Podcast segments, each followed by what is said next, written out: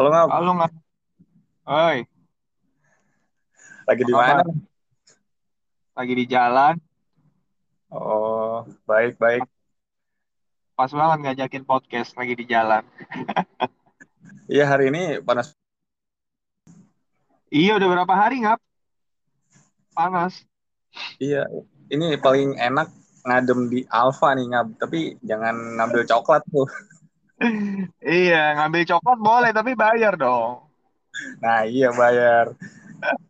Jangan sampai ketahuan baru bayar gitu ya. Terus viral malah ngambek. Nah, itu dia, malah mau ngelaporin orang lagi. UU ITE ada-ada aja emang. Zaman Kalau edan. kalau menurut lu gimana nih eh, episode yang sangat lucu itu? Yang itu, eh, wasit, wasit tembak wasit. Bukan. Yang ini yang yang eh, bos katanya kan bos ya bos counter HP gitu. Tapi dia ngambil coklat terus dia pergi tapi ketahuan ketika di mobil dia eh, disuruh bayar terus ya udah tapi eh, setelah itu malah videonya beredar dan si bunga terima karena katanya kan gue udah bayar kok masih aja eh, gue jadi korban gitu kan korban eh, UU ITE ya katanya gitu ya pencemaran nama baik Iya, untungnya sih viral ya, makanya dibantuin tuh sama si timnya Hotman Paris kan. Ah. Kalau enggak sih ya, kalau kayak gini emang agak sulit sih nggak. Maksudnya sulit itu ya kayak gitu kan, Eh, karena dia overpower sama si karyawan apa karyawan Alfa ini, jadi kan ya punya duit lah, sewa pengacara, mungkin keluarganya atau apa, somasi gitu kan. Nah, Makanya ya eh, atas tekanan itu ya si karyawannya ini kan minta maaf kan gitu. Dipaksa. Dilaporin UU ITE lah iya gitu. Ya itu kan karena karena ya tadi itu overpower terhadap si si karyawan ini kan. Sebenarnya kalau kalau mau dilawan lagi ya ya tetap salah menurut gue ya si ini ya eh, yang yang nyolong coklat itu ya. Gue lumayan ngikutin cuma ya akhirnya kan endingnya tetap damai kan ya. Akhirnya kan dia eh, mau dilawan sama timnya Hotman Paris kan akhirnya damai kan ya minta maaf ya. Nggak salah ya. Heeh. ya lucu aja sih makanya. Gitu. Karena kan ya kalau somasi orang itu kan somasi aja kalau setahu gue ya somasi aja nih ngeluarin surat somasi dari kantor eh, law firm gitu ya kantor pengacara gitu itu pakai duit juga. Kok nggak setahu gue hmm, 3 sampai 5 juta untuk ngeluarin somasi aja ya gitu. Ya buat ngeluarin somasi aja harus pakai duit apalagi buat ngerencanain sebuah skenario pasti udah ada duitnya juga ya. Oh kalau itu mah oh ini makin makin ke sini yang wasit tembak wasit itu makin parah ngap. Semuanya eh, apa keseret semua tuh kayaknya sih Hmm. gitu. Dan kan pada awalnya itu sebetulnya si pihak eh, Alfa ini angkat tangan ya. Dan Ah, dari netizen tuh kan banyak yang protes katanya, ya lu mah enak angkat tangan, tapi kan yang harus nobok itu tetap karyawannya, lu mah terima jadi gitu. Ada setoran berapa, barang yang terjual berapa ya harus sesuai. Tapi kan yang rugi itu yang nomboknya ya karyawan Alfa dan setelah itu kan viral lalu eh, Alfa eh, mau me- apa ya mendampingi saudara si mbak-mbak ini buat eh, kalau mau ngambil proses hukum ya udah ditemenin kayak gitu. Tapi katanya mbaknya udah memaafkan dan ya udah damai akhirnya kayak gitu. Iya, ya mbaknya juga kayaknya ya namanya proses hukum gitu ya pasti kalau orang nggak nggak punya apa nggak punya mental untuk untuk ke situ sih kayaknya emang apalagi kasusnya kasus begini ya maksudnya bisa damai ya mungkin dia lebih milih damai lah daripada pusing-pusing gitu kan. Nah, gitu. Dan juga ada beberapa eh, salah target ya karena kan di Google Maps itu ada alamat si konter HP-nya dan banyak orang juga yang sampai ngasih bintang satu gitu kan. Bahkan itu tuh ada di di toko yang sama di daerah Jogja atau mana gitu dikasih juga padahal nggak ada hubungannya sama sekali gitu. Itu kayak Oh kayak gitu. aja. Masa? Salah sasaran? iya jadi yang yang Oh, kasusnya kan uh, toko si ibu ini di di kota mana gitu. Tapi di kota mana yeah. juga sama gitu. Nama tokonya dijadiin target juga dikasih penilaian yang jelek. Dan menurut gue ya kalau udah urusannya ke tokonya kan itu udah apa ya ada orang lain juga yang kerja di situ gitu kan. Kalau untuk mengganggu uh, apa uh, jualannya dia juga menurut gue kurang bagus juga. Oh iya gue sempat baca itu awal-awal kasusnya itu kan uh, netizen ngasih apa bintang satu kan ke toko itu kan. Oh ternyata ada yang salah salah sasaran. Hmm, salah banget. Kasian banget ya mungkin itu ya yang uh, kemarin-kemarin lagi rame dan ya semuanya kayaknya ketutup sama uh, wasit tembak wasit ini. Padahal yang sebetulnya lagi rame juga kemarin ada itu ya apa uh, pengabdi setan dua ya lo udah nonton apa belum ngab? Gua gua jujur nggak suka horor ngap. Jadi nggak nonton gua kali ini.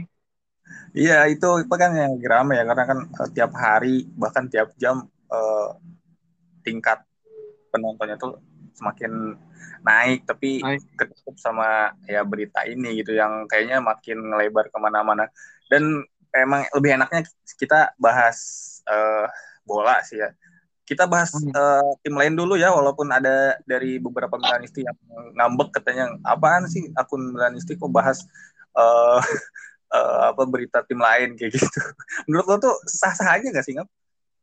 Uh, menurut gue sah-sah aja ya.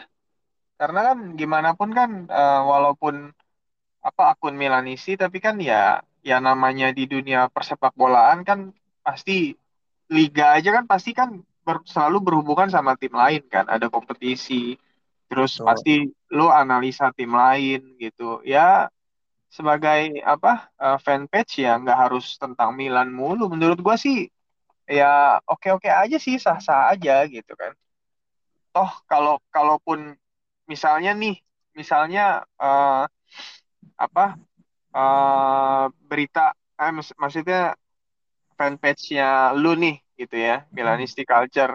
Nggak bahas nggak iya bahas bahas nggak bahas tim lain nih. Tapi kalau ada berita tentang tim lain di portal berita lainnya kalau gue sebagai fans bola ya ya gue hmm. pasti baca sih gitu kan.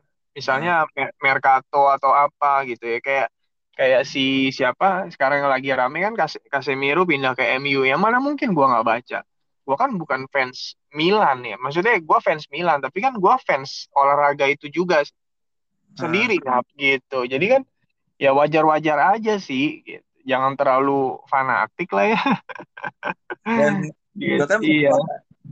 Postingan yang memberikan informasi bukan head speech gue ngatain MU kayak gimana gimana.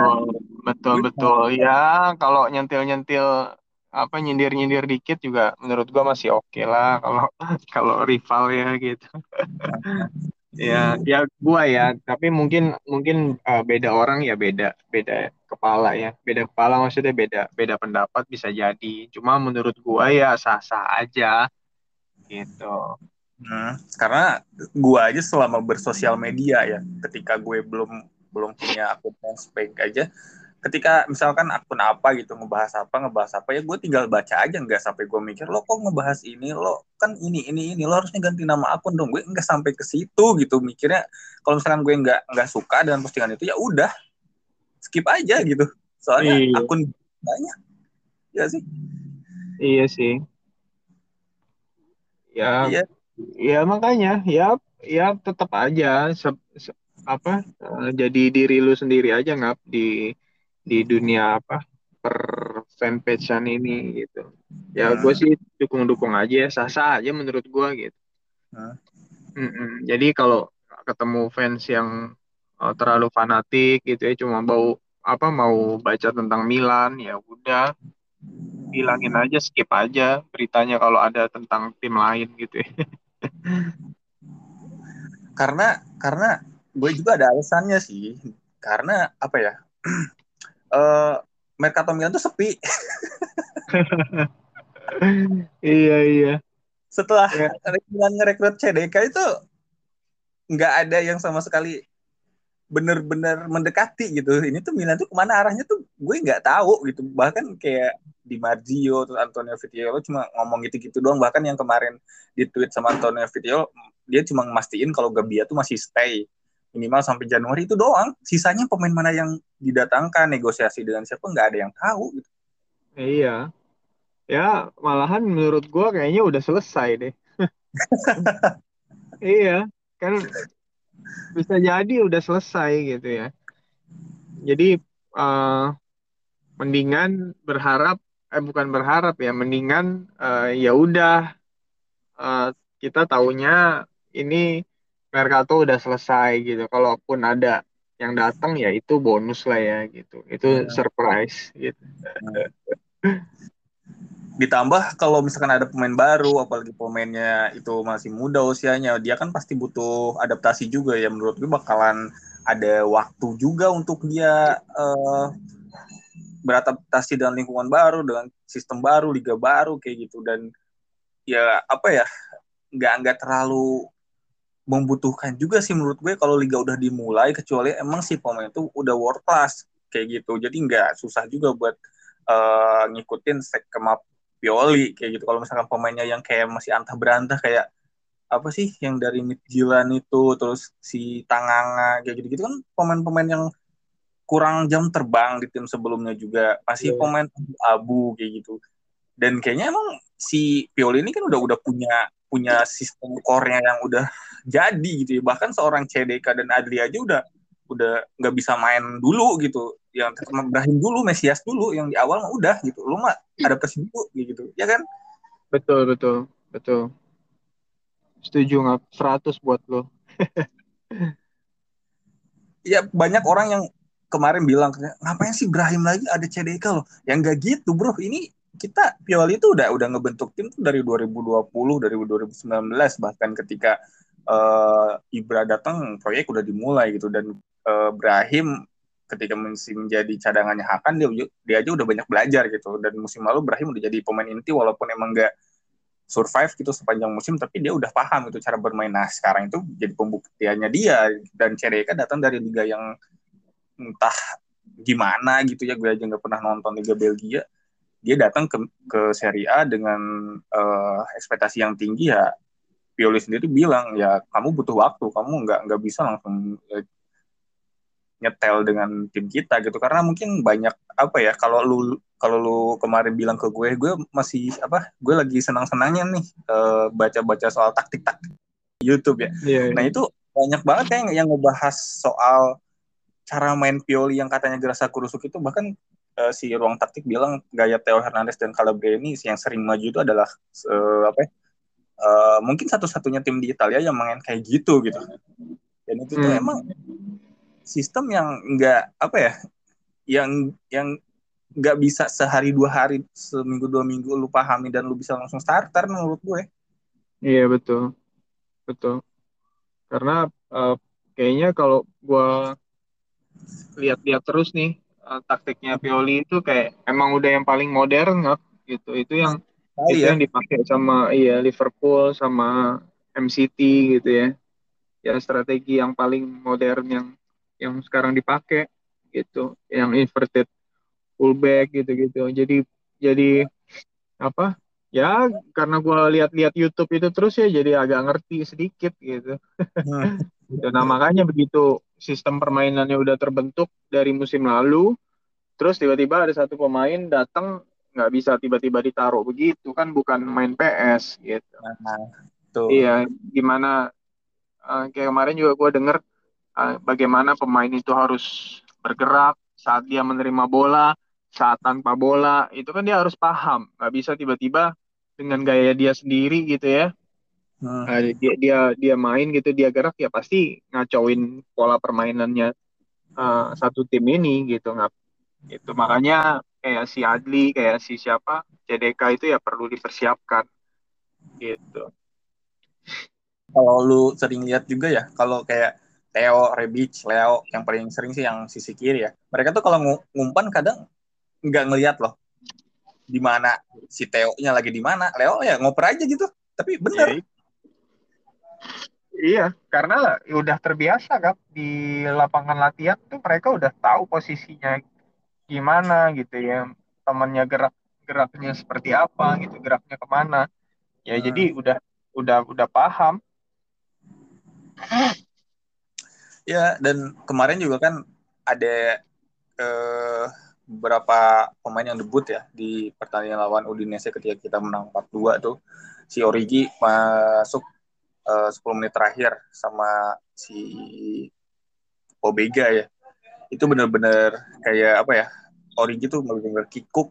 Terus Obega apalagi yang lo lihat di story gue kayak dia pakai sepatu bot gitu ya larinya pelan banget gitu kayak kayak orang Iya. bingung bahkan digocek sama pemain Udinese itu sampai si Kalulu marah ya lo ngapain gitu gitu gesturnya kayak gitu gitu nggak tahu ngomong apa yang paling bagus kan CDK ya yang dapat debut gitu. Dia ya walaupun nggak apa ya nggak nggak terlalu mengesankan tapi udah kelihatan nih dia punya potensi ketika dia bisa eh, ngasih umpan bagus tuh ke Giroud itu bisa jadi gol kalau Giroudnya nggak nggak apa ya nggak salah gerak tuh. Tinggal syuting dia syutingnya ngedatar harusnya syutingnya ke atas gitu kayak lawan eh, tim Jerman waktu pramusim itu. Dan Mm-mm. Adli bahkan banyak yang bertanya kan katanya ini Adli kenapa nggak dimainin gini nih? Ternyata ketika si apa si eh, Antonio bilang Adli ini kekurangan bobotnya. Sama seperti Mesias musim lalu nggak kayak ini oh. siap buat main. Fisiknya belum siap ya iya iya. Badannya kurang Ab. oh terlalu kurus ya? Terlalu kurus. Kasihan iya jadi nggak nggak bisa sembarangan pemain baru langsung masuk ke sistem yang udah kebentuk dua tahun gitu menurut gue nah itu dia ya jadi Iya. apa ya Tapi uh, starting line up lawan Udinese itu ada yang gua seneng itu Mesias di inti nggak? Itu he- Ah. lumayan happy gua. lumayan happy. Selebihnya uh, ya seperti musim lalu lah ya. Itu cuma yang disayangkan uh, si Tonali cedera. absen aja gitu cedera. Tapi Kronik ya wajar sih ya kayak kemarin gue sempat baca sekilas ada komen kenapa sih masih kronik aja gitu ya. tapi tapi coba deh kalau yang yang nonton ya, yang nonton Ah. full pertandingan gitu ya, kronik itu emang krusial sih. Maksudnya begitu Milan kehilangan bola, ya dia itu pemain yang uh, langsung langsung detik itu juga langsung high press ke ke si pemain lawan gitu ya. Nah itu dan dan dia high pressnya nggak yang cuma deketin deketin bener deketin cuma deketin pemain gitu ya. Dan dia itu bener-bener berusaha untuk dapetin bolanya itu lagi gitu. Uh, fight lah ya namanya gitu. Jadi dia fight untuk untuk dapetin bola lagi. Nah itu yang itu kenapa uh, Pioli ya mungkin suka tuh pakai si Kronik ini gitu. Nggak ya dari segi kreativitas mungkin mungkin kurang ya. Tapi jangan salah golnya Brahim itu itu dari hasil uh, apa uh, chance side-nya si Kronik tuh. Kan langsung bolanya langsung tiba-tiba dari kanan langsung dipindahin ke kiri kan ke Theo kan. Ke Ah. Theo Theo crossing pemainnya nggak siap uh, terus bolanya langsung di depan gawang di di kakinya Brahim. Kayak gitu kan uh, itu kronik loh gitu. Jadi kalau masih ada yang ngomong ah kenapa sih masih kronik ya berarti nggak nonton cuma lihat lihat di live score gitu padahal uh, kronik menurut gua kemarin itu bagus kok mainnya gitu. kalau menurut gue Kronik ini pemain yang tipenya tuh nggak panikan ketika Iya. dia serang ketika dia di pressing gitu masih punya eh, ketenangan buat ngatur bola ini harus kemanain walaupun kalau lo lihat ya kalau pemain yang eh, apa ya yang top kelas lah ya dia tuh dia tuh bisa dribble bola gocek-gocek sambil bawa bola kalau Kronik itu ngegocek bola tapi masih di tempat Iya. Karena dia ya kayak tadi itu dia dia uh, pemain yang nggak punya skill untuk dribble ya. Nah. Jadi Nah, ya memang dia lambat gitu ya. Ya, mm, pemain yang lambat, tapi kan dia punya composure, ketenangan gitu kan. itu Heeh. Iya. Kalau kalau Pobega kemarin ya menurut gua itulah yang apa ya. Namanya demam panggung itu ya kemarin Pobega itulah. Iya kan? Dari main di tim kecil Torino gitu terus uh, ke Milan gitu ya. Terus dia masih muda di diliak-liuk sama sama sama musuh udah kebingungan. Ya namanya apa eh, demam panggung mungkin pasti ada lah ya walaupun mereka pemain kelas uh, kelas dunia gitu ya pasti ada apalagi masih muda. Tapi si Pobega ini punya atribut yang mendukung sih buat jadi gelandang bertahan. Badannya gede tinggi gitu. Iya. tingnya iya, juga bagus. Gue malah sempat berpikir kalau Pobega ini bisa jadi Casemiro loh Casemiro-nya Milan gitu. Karena bisa, sama gitu. sama. Syutingnya tuh dari jarak jauh kenceng banget. Itu dia waktu iya. dipinjam ke Spezia dan Torino minimal 5 gol loh semusim. Iya sering golin kan dia kan tendangan iya. jarak jauh lagi Hmm, ya, jadi ya. Yes. Cuma ya emang itulah. Cuma emang kalau kalau kayak fans fans kardus gitu ya nilai 10 menit gitu apa yang bisa lu lakuin sih nggak kalau lu main juga 10 menit gitu ya eh lu bisa iya. ngapain gitu iya terus gitu kalau pemain ini katanya eh, ini nggak pantas main di Milan dia mau pantasnya di Serie B bla bla bla gue kayak kayak apaan sih lo kayak kayak udah kayak minimal lo pernah main bola deh gitu sebelum momen kayak gitu gitu iya. makanya kadang ya ada sih fans begitu ya makanya uh, ya mungkin seiring dengan waktu fans-fans yang model begini bisa bisa itu kali ya belajar juga lah ya atau hmm. ajakin main bola aja nggak nah iya sebetulnya dia harus ya. main bola biar paham fun football aja kayak gue main yang ketawa-ketawa aja. Ya biar paham aja gitu apa yang bisa dilakuin di 10 menit terakhir tuh ngapain apalagi posisinya tuh menang kayak gimana juga gitu. lu ngarepin apa. Dan gimana respon lu setelah lo tahu nih Gabia katanya mau di keep ya sampai Januari minimal kalau gue kan sempet mikir ya kemarin eh ya udah berarti kan double pivot uh, mau diprioritasin gitu kan ada banyak nama juga kan si Onana, Sonny Dika, siapa lagi lah gitu. Berarti kan back tengah ini ya udahlah gitu kata gue. Berarti lo bisa dapetin back tengah setelah Piala Dunia tuh banyak kan pemain-pemain bagus kayak gitu. Iya.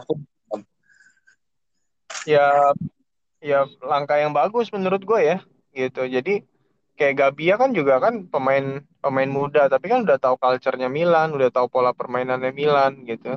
Ya menurut gua pemain-pemain muda kayak gini ya patutlah dikasih waktu gitu nggak. Jadi uh, pasti semusim ini pasti kan nanti dia ada ada uh, ada waktu bermain juga ya dibanding harus ngambil pemain dari luar, pemain yang baru gitu kan.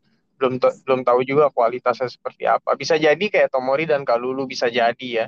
Bisa jadi kayak uh. Kier gitu kan tapi kan hmm. ya lagi-lagi perjudian lagi kenapa nggak yang pemain yang udah ada aja dulu gitu. Kecuali pemain yang didatangkan itu yang benar-benar bagus nih, yang yang bisa apa memperebutkan uh, apa pemain inti gitu ya satu tempat di di di posisi inti. Nah itu boleh deh. Tapi kalau untuk cadangan lagi gitu ya, ya menurut gua mendingan kenapa nggak yang cadangan sekarang aja di diberdayakan dibagusin lagi gitu nggak gitu. Jadi uh, ya kayak yang podcast kita terakhir itu aja sih. Kalau gua menurut gua oh, udah cukup. Uh, kalau lihat dari pemain-pemainnya aja udah udah banyak kok udah udah lebih dari cukup gitu. Kalau mau ditambah ya ya oke okay, gitu ya. Cuma kalau enggak pun ya udah kita bisa jalan kok dengan dengan uh, tim yang sekarang ada. Nah sambil lihat-lihat nanti di Januari gitu. Gitu sih nggak ya tapi kalau lo lihat ya misalkan ada yang absen lah gitu. Ini kan sebetulnya gue gue juga percaya kalau starting line up kita tuh udah bagus gitu. Giroud bisa gantian sama Rebic yang sekarang on fire. Bahkan Stefano Pioli bakalan nurunin Rebic lagi daripada Giroud lawan Atalanta katanya gitu. Untuk lini depan yeah. gue oke. Okay. untuk lini depan gue oke okay lah. Tapi kalau misalkan double pivot sama back tengah absen sama back kiri deh. Menurut lo apakah bisa tetap stabil nih Milan ketika pemain inti-intinya uh, absen gitu kedalaman skuadnya gimana? Uh, ya kalau double pivot ya nggak ya kayak Tonali kemarin ya absen gitu kan. Uh. Masih ada Benacer. ya seiring eh Benacer iya Benacer dan apa Krunic gitu ya. Uh, Krunic buktinya bisa membuktikan diri kemarin gitu kan bagus gitu ya. Terus uh, ya masih ada pemain lainnya kecuali nih kayak Bakayoko keluar ya nanti harus gak harus dapat gantinya yang bagus gitu kan. Jangan lupa Adli kan bisa main di posisi double pivot juga gitu. Tapi uh, sementara Iya, makanya Adli Adli Adli ini gue sempet uh, masih agak bingung sih nantinya gitu. Ibrahim main bagus, CDK katanya ya uh, di posisi itu gitu kan AM. Nah, Adli ini ada di mana gitu. yeah. itu yang yang lumayan seru sih. Terus kalau CB ya, CB ya pastinya kita nggak berharap semua maksudnya nggak berharap Milan itu seperti musim lalu lah ya. Musim lalu sih hancur-hancuran sih. Maksudnya hampir semua pemainnya cedera gitu kan hampir setiap pertandingan itu pasti ada yang cedera gitu. Ya kita nggak berharap seperti itu. Cuma kalau ada yang ternyata berhalangan satu, cedera satu, kayak Kalulu, Tomori, Kier kan ada ada Kier, ada uh, Tomori, ada Kalulu ya tiga ini kan bisa bisa untuk dipakai dua yang yang untuk jadi pemain inti gitu ya. Uh, ya paling kalau emang emang butuh-butuh banget ya mungkin Bakayoko out. Bakayoko juga kan lumayan kenceng ya rumornya bakal out ya. Nah carinya pemain yang yang bagus gitu ya, gitu nggak. Itu pun kalau Adli nggak dijadiin DM gitu. Berarti lo sepakat nih ya sama gue kalau misalkan untuk di Serie A bisa lah skuad dengan kedalaman kayak gini ya. Tapi untuk Liga Champions kayaknya belum. Nah kalau kalau apa uh, di Serie A terus targetnya kan kan gue based on targetnya Milan ya ah. maksudnya Milan kan menargetkan juara Serie A dan lolos 16 besar Liga Champion nggak menurut uh. gue dengan dengan target itu dan skuadnya sekarang itu menurut gue cukup sih gitu tapi uh, tetap ada evaluasi nanti di Januari kalau mau mau nambah pemain atau uh, ganti pemain ya harus di, dieksekusi dengan bagus tuh dengan baik tuh di Januari nggak satu atau dua pemain gitu ya. Nah tapi kalau targetnya juara Liga Champions sih kayaknya kayaknya belum nggak gitu. Kecuali ada keajaiban ya. Kecuali ada ke keajaiban. Cuma kalau lihat lihat persaingan di Liga Champions sih tim yang main strategi yang dipakai pemain-pemainnya sih aduh kayaknya Milan belum nggak gitu ya bukannya nggak uh, optimis nih, nggak sayang sama Milan. Cuma ya kita lihat aja ininya apa kenyataannya di luar itu tim tim tim gede itu uh, lagi gila-gilaan itu pemainnya bagus-bagus semua. Hmm. Itu nggak. Dan kemarin juga kan gue bilang sama lu ya kalau ini si Origi ini nih debutnya aja di winger kiri nih jangan-jangan Pioli udah mengantisipasi kalau Leo cabut udah punya penggantinya nih Rebic sama Origi gitu. Karena kan striker ada Giroud, Ibra, Lazetic gitu ya. Menurut lo iya. gimana? Iya sih, gue agak kaget sih. Uh, karena di pikiran gue sampai minggu kemarin itu ya si Origi ini masuk untuk jadi striker gitu ya. Nah. Mm -mm, karena Giroudnya udah mulai tua, ya untuk uh, dipersiapkan untuk jadi striker utamanya Milan lah ya gitu.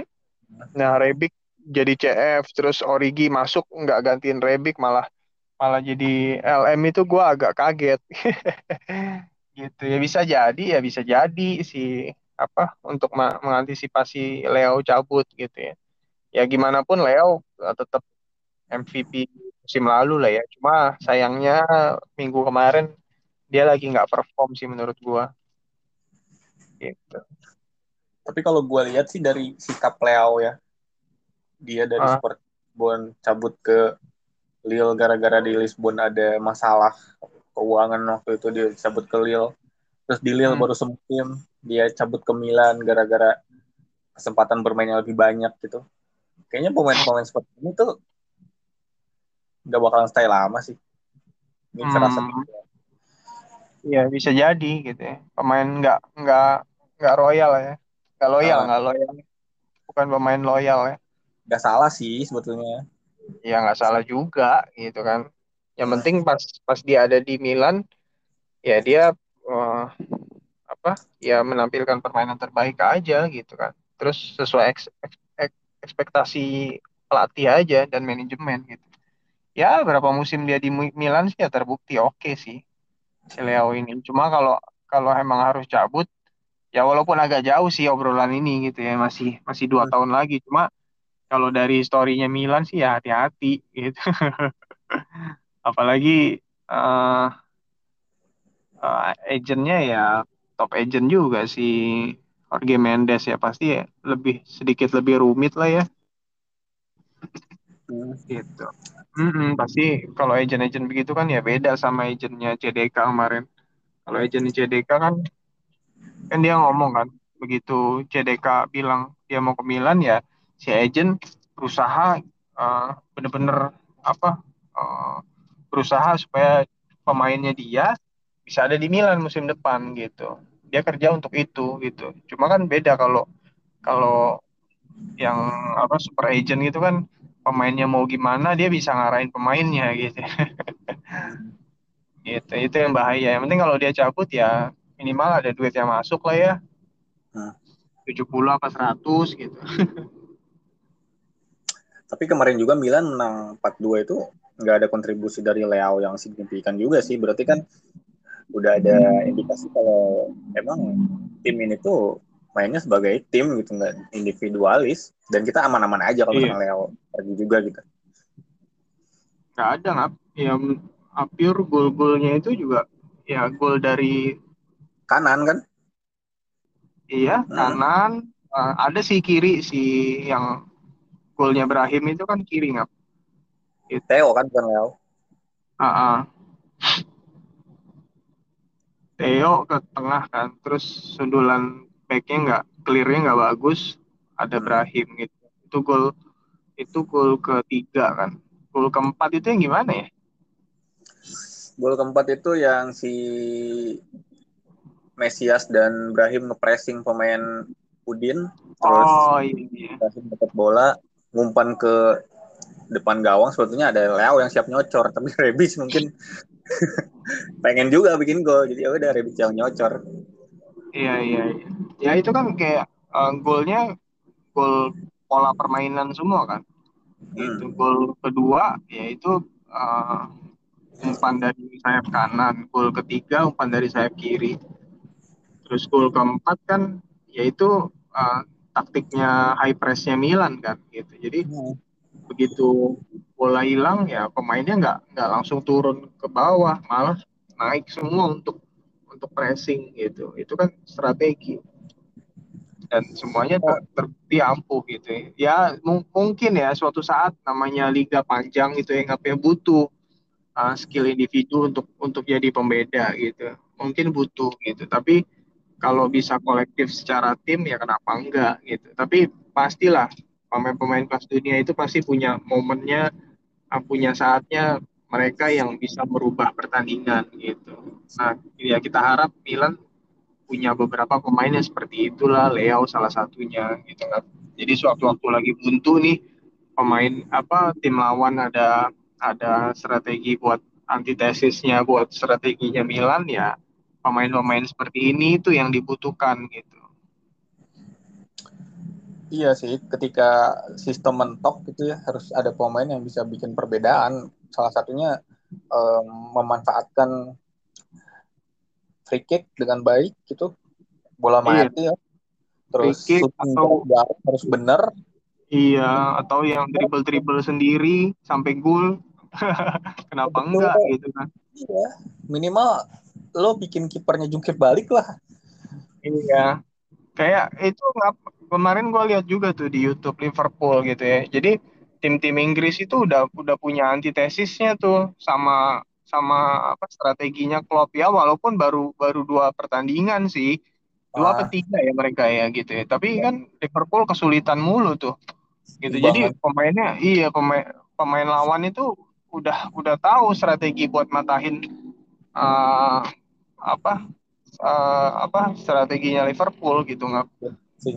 gitu tapi kan kayak kemarin akhirnya butuh kayak si Diaz Luis Diaz itu dribble dribble dribble sendiri tiba-tiba shoot eh gol gitu kan.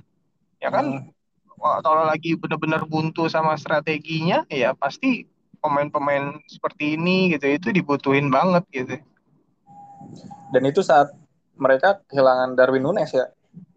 Iya. Darwin Nunesnya dicolek begitu aja emosi. Pemain muda gimana di makanya apalagi di Itali aduh. Gitu. pemainnya penuh dengan provokasi intrik. Aduh males banget deh. Tapi nggak gue gue tanya lu deh. Uh, penaltinya Theo kemarin tuh harusnya penalti nggak sih kalau menurut kacamata lu? Ya, menurut gue iya. Karena penalti. ketika ketika lo misalkan udah dapet bola duluan dan uh, gerak lo itu dihalangi oleh lawan gitu mau di sliding atau gimana pun ketika lo bola duluan ya lo dilanggar gitu. Iya ya lo, jangan jangan berpikir uh, misalkan itu kejadiannya nggak di kotak penalti deh misalkan lagi serangan balik deh. Lo udah dapet bola gitu. Walaupun bolanya udah jauh gitu tapi lu kena bola dulu terus lo dihalangi nama lawan gitu. Terus yeah. lo jatuh. Itu pelanggaran. Oh walaupun misalnya iya sih ya beberapa kali emang emang peraturannya begitu ya. Misalnya siapa yang nih. dapat bola duluan kan? Iya walaupun kayak posisinya Calabria itu kan sebenarnya kan nge-shoot kan tapi nggak kena kan nggak kena tapi iya. si si Sopi itu kan uh, ngelanggar Calabria setelah bola itu lepas dari Calabria kan sebetulnya udah udah nggak bisa diapa-apain juga kan bolanya. Iya, cuma uh, badannya kakinya ngantem badannya si itu kan kakinya si Calabria juga gitu. Padahal kalau nggak diapa-apain pun sebenarnya Calabria bakal jatuh juga gitu kan. Nah, itu. Ya, iya, udah nyeliding ny apa nyosor terus bolanya nggak kena gitu kan. Ya walaupun didiemin sama si Sopi itu ya bakal jatuh-jatuh juga Calabrianya gitu. Nggak gol cuma sayangnya uh, sialnya gitu ya itu badannya dia oh, menain Calabria dan Calabria guling-guling gitu. Iya dan apa ya kalau keputusan wasit itu kan misalkan ya kayak kayak hakim deh. Hakim kan pasti kalau memutuskan sesuatu ada uh, bukunya ya ada panduannya. Uh. Ini, ini ini hukumnya ini. Tapi kan pada akhirnya si wasit sendiri yang memutuskan sudut sudut pandang wasit itu sendiri dan lo sama gue bisa beda pandangan. Iya. Itu sih. Jadi kalau misalkan ada fans orang yang yang apa? Yang ngeluh gitu, lo Milan dapat penalti yang bla bla bla bla gitu. Ya ya udah, lo salahin wasitnya aja. Itu sih. Iya. Ya, lumayan lah ya pekan pertama dapat penalti satu. Pas yang di flashball kan lumayan disindir tuh. Ah, dan dapat komen dan sih. Ya, lumayan lah dapat voucher satu. Kalau bisa tiap minggu deh. dan kemenangan 4-0 itu di pekan pertama ya AC Milan itu pada tahun 2010-2011 bang ketika Milan juara tuh uh. akhir ya semoga aja musim ini juara juga gitu laga pembuka 4-0 gitu. Iya, 4-2. Eh 4-2 ya, 4-2. Ya 4 iya. gol lah gitu. Iya, 4 gol. Ya, oke okay sih. Per, per permulaan yang uh, sangat baik menurut gua. Gitu. Jadi nah, mainnya besok, pun udah kagok-kagok, uh, hasilnya apa? bagus gitu. Iya, Besok lawan siapa ya ngap? Oh Atalanta ya. Waduh Atalanta bahaya lagi ngap. Tapi kan Atalanta udah udah banyak banget yang cabut si Mirancuk, si Freuler, terus si Malinowski udah mau cabut ke Marseille. Terus Muriel masih si, Muriel. Muriel nggak diperpanjang kalau nggak salah. Oh Dufran? Hah? Du eh siapa namanya Dufran ya? Siapa? Nyerangnya itu? Uh, Zapata. Iya iya Dufan Zapata. Uh, Zapata mah ada. Terus siapa lagi sih? Masih ya? Banyak ya? yang kabut dia. Kipernya hmm. sekarang kan si siapa sih kiper Atalanta tuh oh masih Muso yang yang kiper Atalanta tuh ke ke Fiorentina si Golini itu Oh, gue paling serem nih itu sih kalau kalau main sama Atalanta itu paling serem sama si Zapatanya itu ya. Serem serem cepat sih kalau gitu. Romano gimana? Iya, tapi nggak tahu back Milan sekarang bagus sih gila. Kalulu kemarin lihat nggak? Iya pas yang yang dia. di Liverpool. Anjir gue bilang kebobolan. Tomori bisa-bisanya begitu kan? Gila Kalulu keren juga ya kerasukan Nesta ada apa gimana itu orangnya? Nah itu itu sebetulnya ngab yang yang kita nggak punya di Milan sekarang. Kita nggak punya Casey itu. Iya sih. Ketika ketika jadi si Theo naik ketika tim iya ketika si Theo naik ketika eh, permainan kita lagi nyerang lagi apa ngepung tim lawan kita tuh nggak punya Casey gitu. Kemarin kelihatan lobong doang tinggal Tomori sama Calabria. Tomori aja udah ketinggalan di belakang. Iya benar itu iya untuk sih bahaya. Kalau si Kalulu tuh bisa nutupin si Deulofeu buat ngoper ke temennya. Terus dia juga bisa eh, ngurangin zona si Deulofeu buat syuting iya itu keren iya. banget loh. Iya sih cuma kalau ketemu pemain yang lebih matang tuh ya ya bisa bahaya sih. Eh, makanya kemarin emang Milan ada Casey sih emang kebantu banget sih. Si Casey itu begitu counter attack itu dia bisa bener-bener ngejar bisa dapetin bolanya lagi gitu. Bersih pula. Iya bener. Dia kan ya iya. Jarang banget. Iya nah itu iya sih itu PR banget ya ngap ya susah sih sebetulnya kalau kalau kita masih ngarepin Casey kalau gue mikir sih ya sistemnya aja yang diubah tapi kan sistem itu harus didukung dengan pemain yang eh, bener juga gitu yang mendukung gitu. Mm. ya yang mendukung itu Tonali Benacer makanya ketika gue bilang tadi sama lu em, kalau misalkan Tonali dan Benacer ini cedera gitu dua-duanya deh cedera pahit-pahitnya atau absen gitu. Krunic sama Pobega tuh gak yakin gue. Iya. Krunic mungkin bisa cuma kalau dilihat dari strateginya Pioli ya Krunic itu bukan bukan bukan double pivot yang stay up jadi malah dia yang didorong ke atas gitu. Bukan. Ya, jadi dia yang dia yang ada di posisi uh, striker bahkan gitu. Nah, yang kalau stay-nya itu malah si Benacer. Cuma Benacer begitu kalau dia lagi nyerang ya dia stay di situ pas counter attack dia nggak punya kemampuan buat buat rebut bola sih emang kayak hmm, Casey gitu. Itu PR tuh.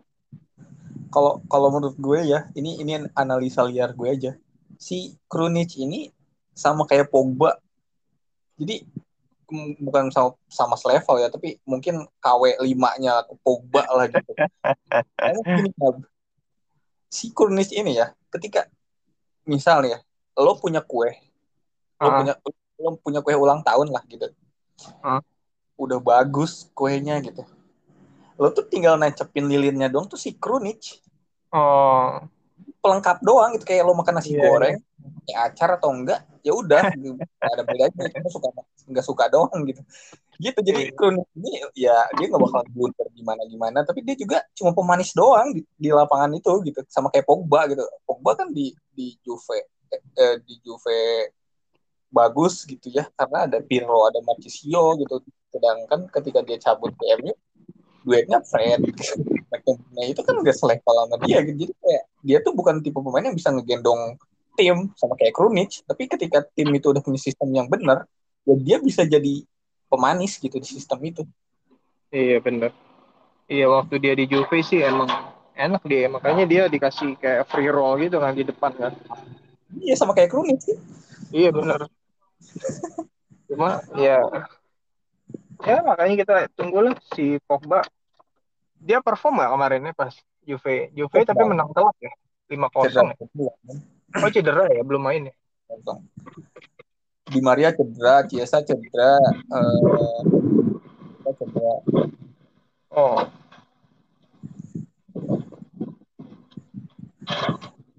Jadi gue gue masih, masih ngarepin double pivot yang benar kalau bakal itu cabut. Cuma rumornya nggak nggak ada double pivot yang datang. Nggak ada. Ya itu si Onyedika itu. Pivot. Oh, kan. yang dari dari mana Underleg ya? Eh, dari mana? Dari Midtjylland. Midtjylland, Midtjylland ya. Ya. Nyebutnya aja susah anjir. Midtjylland. Duh. Renato udah resmi ke PSG belum sih? Udah. Oh, udah, ya? udah. ya? Udah bikin gol kemarin debut lawan mana gitu 5-0. Oh, golin. Udah. Udah jadi starting oh. orang punya aja guru lamanya kan. Oh, keren juga ya. Si itu ribut-ribut malahnya. Neymar sama PS siapa sama Mbappe.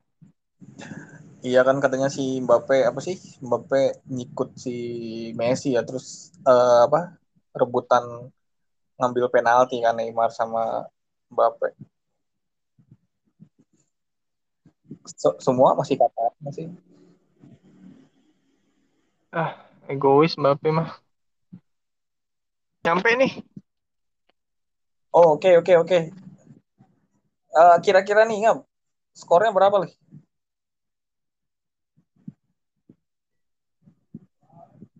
Halo? Ya. Kira-kira okay. skornya berapa terakhir? Milan Atalanta 1-2 deh kayaknya.